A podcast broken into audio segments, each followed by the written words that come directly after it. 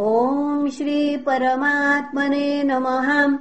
श्रीमद्भागवते महापुराणे पारमांस्याम् संहितायाम् दशमस्कन्धे पूर्वार्धे। अष्टाविंशोऽध्यायः। श्रीशुक उवाच। एकादश्याम् निराहार। समभ्यर्च जनार्दनम् स्नातुम् नन्दस्तु कालिन्द्या द्वादश्याम् जलमाविशत्। तम् गृहीत्वा नयद्भृत्यो वरुणस्यासुरोऽन्तिकम् अविज्ञायासुरीम् वेलाम् प्रविष्टमुदकम् निशि। चुक्रुषुस्तमपश्यन्तः कृष्णरामेति गोपकाः भगवांस्तदुपश्रुत्यो पितरम् वरुणाहृतम् तदन्तिकम् गतो राजन् स्वानामभयदो विभुः। प्राप्तम् वीक्ष ऋषिकेशम् लोकपालः सपर्ययाम्। महत्या पूजयित्वाह तद्दर्शनमहोत्सवः वरुण उवाच। अद्य मे निभृतो देहोऽद्यैवार्थोऽधिगतः प्रभो। त्वत्पादभाजो भगवन्नवापुः पारमध्वनः। नमस्तुभ्यम् भगवते ब्रह्मणे परमात्मने। न यत्र श्रूयते माया लोकसृष्टिविकल्पनाम्। अजानता मामकेन मूढेना कार्यवेदिनाम्। आनीतोऽयम् तव पिता तद्भवान् क्षन्तुमर्हति।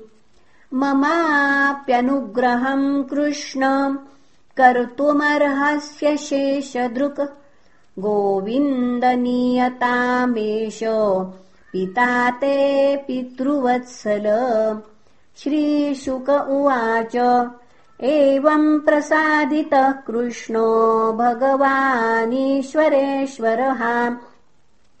आदायागात्स्वपितरम् बन्धूनाम् चावहन्मुदम् नन्दस्त्वतीन्द्रियम् दृष्ट्वा लोकपालमहोदयम् कृष्णे च सन्नतिम् तेषाम् ज्ञातिभ्यो विस्मितो ब्रवीत। ते त्वौत्सुक्यधियो राजन् मत्वा गोपास्तमीश्वरम् अपि न स्वगतिम् सूक्ष्मामुपाधास्यदधीश्वरः। इति स्वानाम् स भगवान् विज्ञायाखिलदृक्स्वयम् सङ्कल्पसिद्धये तेषाम् कृपयैतदचिन्तयत् जनो वै लोक एतस्मिन्न विद्या कामकर्मभिः। उच्चावचासु गतिषु न वेद स्वाम् गतिम् भ्रमन् इति सञ्चित्य भगवान् महाकारुणिको हरिः दर्शयामास लोकम् स्वम् गोपानाम् तमसः परम् सत्यम् ज्ञानमनन्तम् यत् ब्रह्मज्योतिः सनातनम् यद्धि पश्यन्ति मुनयो गुणापाये समाहिताः ते तु ब्रह्महृदम् नीता मग्ना कृष्णेन चोद्धृताः। ददृशुर्ब्रह्मणो लोकम् यत्राक्रूरोऽध्यगात्पुरा नन्दादयस्तु तम् दृष्ट्वा परमानन्दनिवृताः। कृष्णम् च तत्र छन्दोभिः स्तूयमानम् सुविस्मिताः।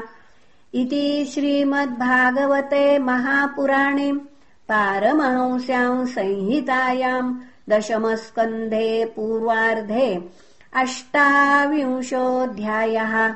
श्रीकृष्णार्पणमस्तु। हरये नमः हरये नमः हरये नमः